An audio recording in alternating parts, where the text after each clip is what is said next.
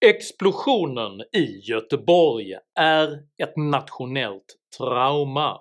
Klockan 04.48 larmades SOS om en kraftig explosion på Övre Husargatan.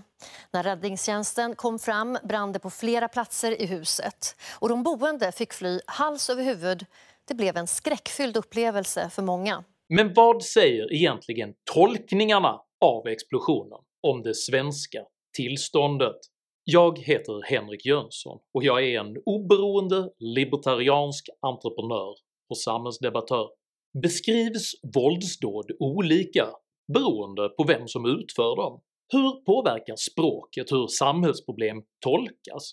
Och vad händer med rättssamhället om våld relativiseras beroende på vem förövaren är?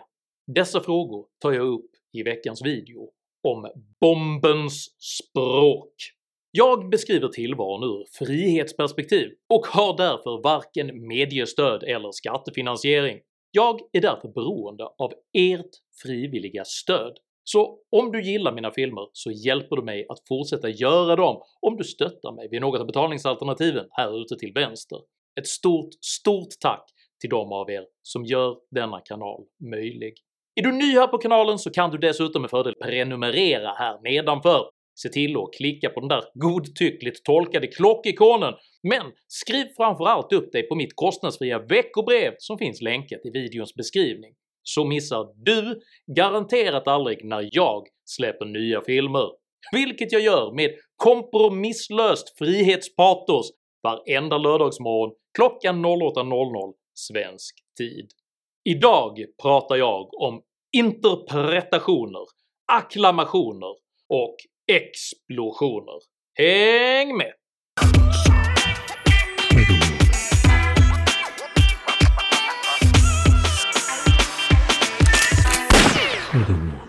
Interpretation, eller tolkning, är en sammansättning av prefixet “inter” vilket betyder mellan och roten “pie” vilket betyder att handla med eller att sälja.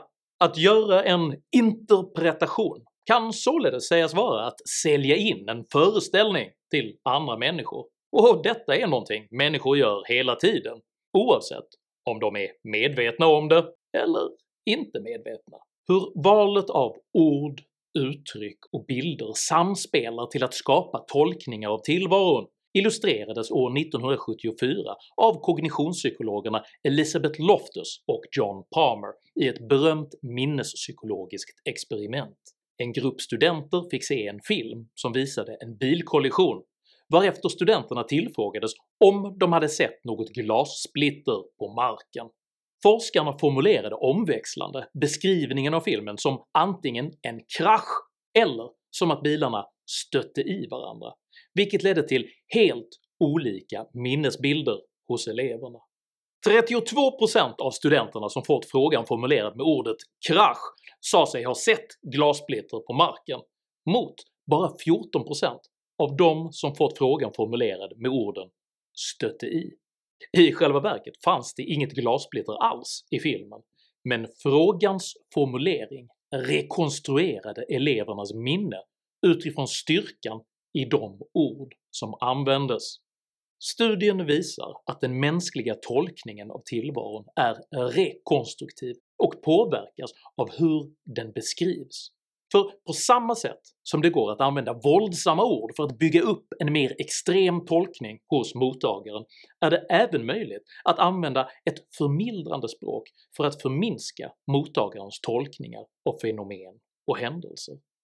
Det senare är ett återkommande tema i offentligt svenskt språkbruk, vilket exemplifieras genom att man bland annat hellre använder det infantiliserande begreppet “gäng” än kriminella klaner när man exempelvis beskriver organiserad brottslighet. Eh, och just begreppet kriminella klaner är laddat. Så det ja. spelar ingen roll om man säger släktbaserade nätverk, eller klaner eller maffia. Det, på samma sätt används även regelmässigt passiv form för att beskriva kriminellt våldsutövande. Bombdåd, detonationer och mord beskrivs exempelvis som opersonliga sprängningar, explosioner och skjutningar. Syftet med denna typ av formuleringskonst är, som Loftus-Palmer-studien visar, att göra mottagarens tolkningar av händelser mindre skrämmande genom att agensberöva förövaren och i princip framställa våldsyttringarna som olyckliga naturfenomen, exempelvis genom att beskriva IS-terrorister som “resenärer”. Ambitionen att agensberöva antisociala individer har sin rot i den svenska socialistiska och kollektivistiska tradition vilken uteslutande betraktar individen som ett resultat av de socioekonomiska förutsättningar som staten tillhandahåller. Övergrepp mot rättssamhället tolkas således som en brist på omfördelningspolitik och solidaritet samtidigt som gärningsmännen rutinmässigt fråntas sitt ansvar. Men också för en enskild ung kille som begår en sån här förskräcklig händelse. Va? Kring 11 eh, september-olyckorna och liknande. Dessa båda nu relativt ökända klipp illustrerar egentligen misslyckade försök till tolkningsrekonstruktioner eftersom skillnaden mellan mord och terror respektive händelse och olyckor är för stor för att kunna accepteras. Den svenska kriminalitetsutvecklingen har på ett liknande sätt alltmer vuxit ur den förminskande och omsorgsburna tolkningsmodellen. Detta traumatiserar den kollektivistiska vänstern, inte bara för att man upplever sig förlora slaget om hur verkligheten ska tolkas, utan även för att detta innebär ett fundamentalt underkännande av den kollektivistiska människosynen som reducerar allt antisocialt beteende till en fråga om just socioekonomiska faktorer. Ett konkret exempel på detta är hur Sveriges avgående statsminister Stefan Löfven efter explosionen ägnade 40 stammande sekunder åt osammanhängande mummel när en reporter frågade honom om han tror att svenskar känner sig trygga. Tror du att folk känner sig trygga?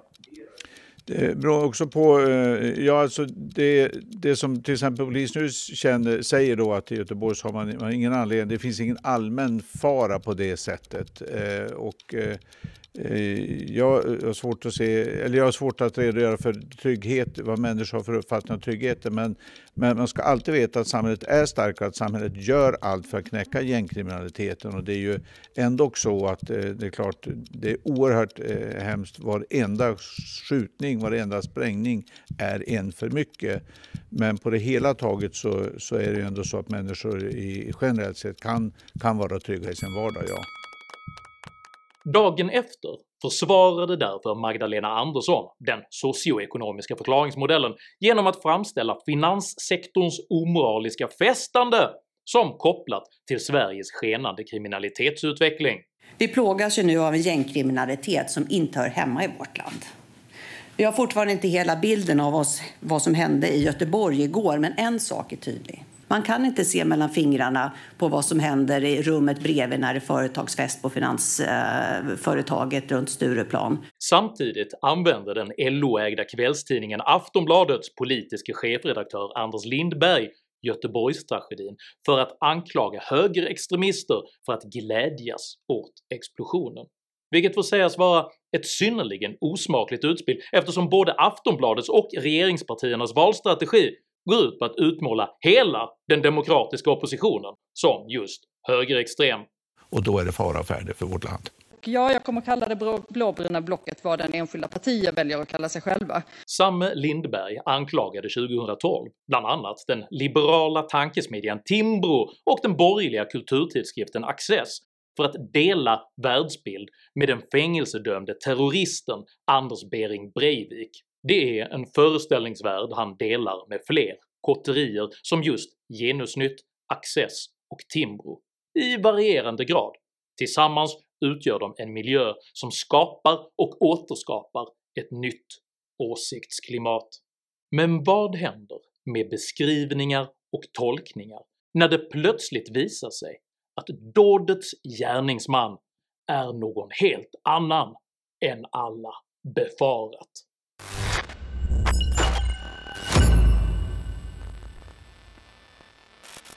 Allt mer tyder nu på att explosionen i Göteborg är ett dåd utfört av en enskild individ med en historia av psykisk ohälsa. Detta förminskar på inget sätt dådets konsekvenser för de drabbade, men dess beskrivning och dess mediala tolkning ändras radikalt. Den vänster som för bara ett ögonblick sedan defensivt mumlade om finanssektorns ansvar för kriminalitetsutvecklingen och samtidigt ondgjorde sig över högerns förmenta glädje över bombdådet blir nu istället offensiv.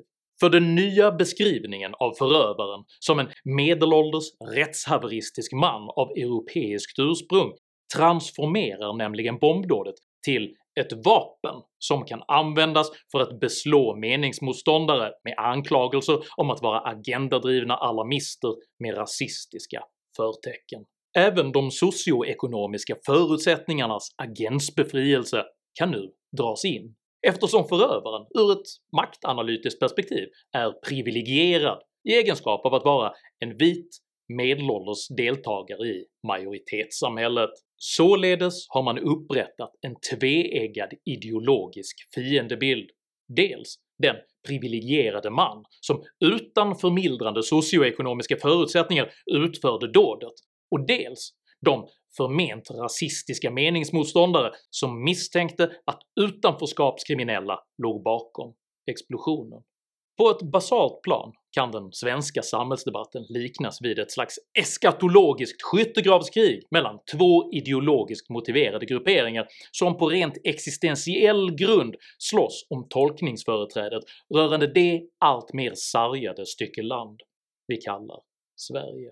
Dessa båda poler är varandras spegelbilder, eftersom båda hyser föreställningen att demokratin, klimatet och världen alla står i begrepp att gå under om medborgarna avviker från den moraliska tolkning av verkligheten man själv gör.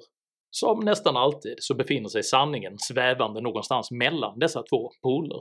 Det finns exempelvis goda anledningar att undvika att dra förhastade slutsatser, men att spekulera utifrån tidigare erfarenheter innebär inte heller fördomsfullt ryktesspridande. Det finns också goda anledningar till att se över den svenska socialstatens effektivitet, men att påpeka att den organiserade brottsligheten även kommer att kräva betydligt hårdare nypor är inte alarmistisk totalitarianism. The mistake that it looks like we've made for all these years is to think that the violence is always about something else. We say the violence is about poverty or the violence is about um, the gang, the violence is about families, the violence is about whatever we, we, we think it is. The violence is fundamentally about the violence. And effective violence prevention has turned out to be about focusing on the violence and not about these other things. Och framför allt finns det mycket goda anledningar att varken förringa eller förstora tolkningen av våldsdåd utifrån vad som bäst tjänar den egna verklighetsbeskrivningen. För som Loftus och Palmer visar är det fullt möjligt att med ord påverka hur individer tolkar verkligheten men bara till en viss gräns. För när hederliga medborgare får ytterdörren insprängd spelar det inte längre någon roll om du använder ordet krasch eller stötte i. Då är det enda som kraschar samhället. Jag vill därför avsluta detta anförande med att inför båda dessa eskatologiskt motiverade poler parafrasera filosofen Friedrich Nietzsche ur hans bok “Bortom gott och ont” från 1886. “Den som upplever sig kämpa mot odjur bör se till att han inte därvid själv blir ett odjur. Och då du länge blickar in i en avgrund blickar avgrunden också in i dig.” Tycker du det är viktigare att säga sanningen än att försöka försvara en illusorisk tolkning av tillvaron? I så fall tycker jag att du ska dela den här videon med dina vänner, och varför inte prenumerera på min YouTube-kanal när du ändå är i farten? Har du egna erfarenheter av svensk språkhantering rörande känsliga ämnen? Dela i så fall gärna med dig av dina upplevelser i kommentarsfältet här nedanför. Jag uppskattar all respektfull kommunikation. Kom dock ihåg att alltid vara artig även mot dina meningsmotståndare. Jag tolererar inte aggression, personpåhopp eller rasism i mina idédrivna kommentarsfält. Tack för att du som kommenterar respekterar detta. Jag heter Henrik Jönsson och jag tror att verkligheten är viktigare än dess beskrivning. Tack för mig och tack för att ni har lyssnat.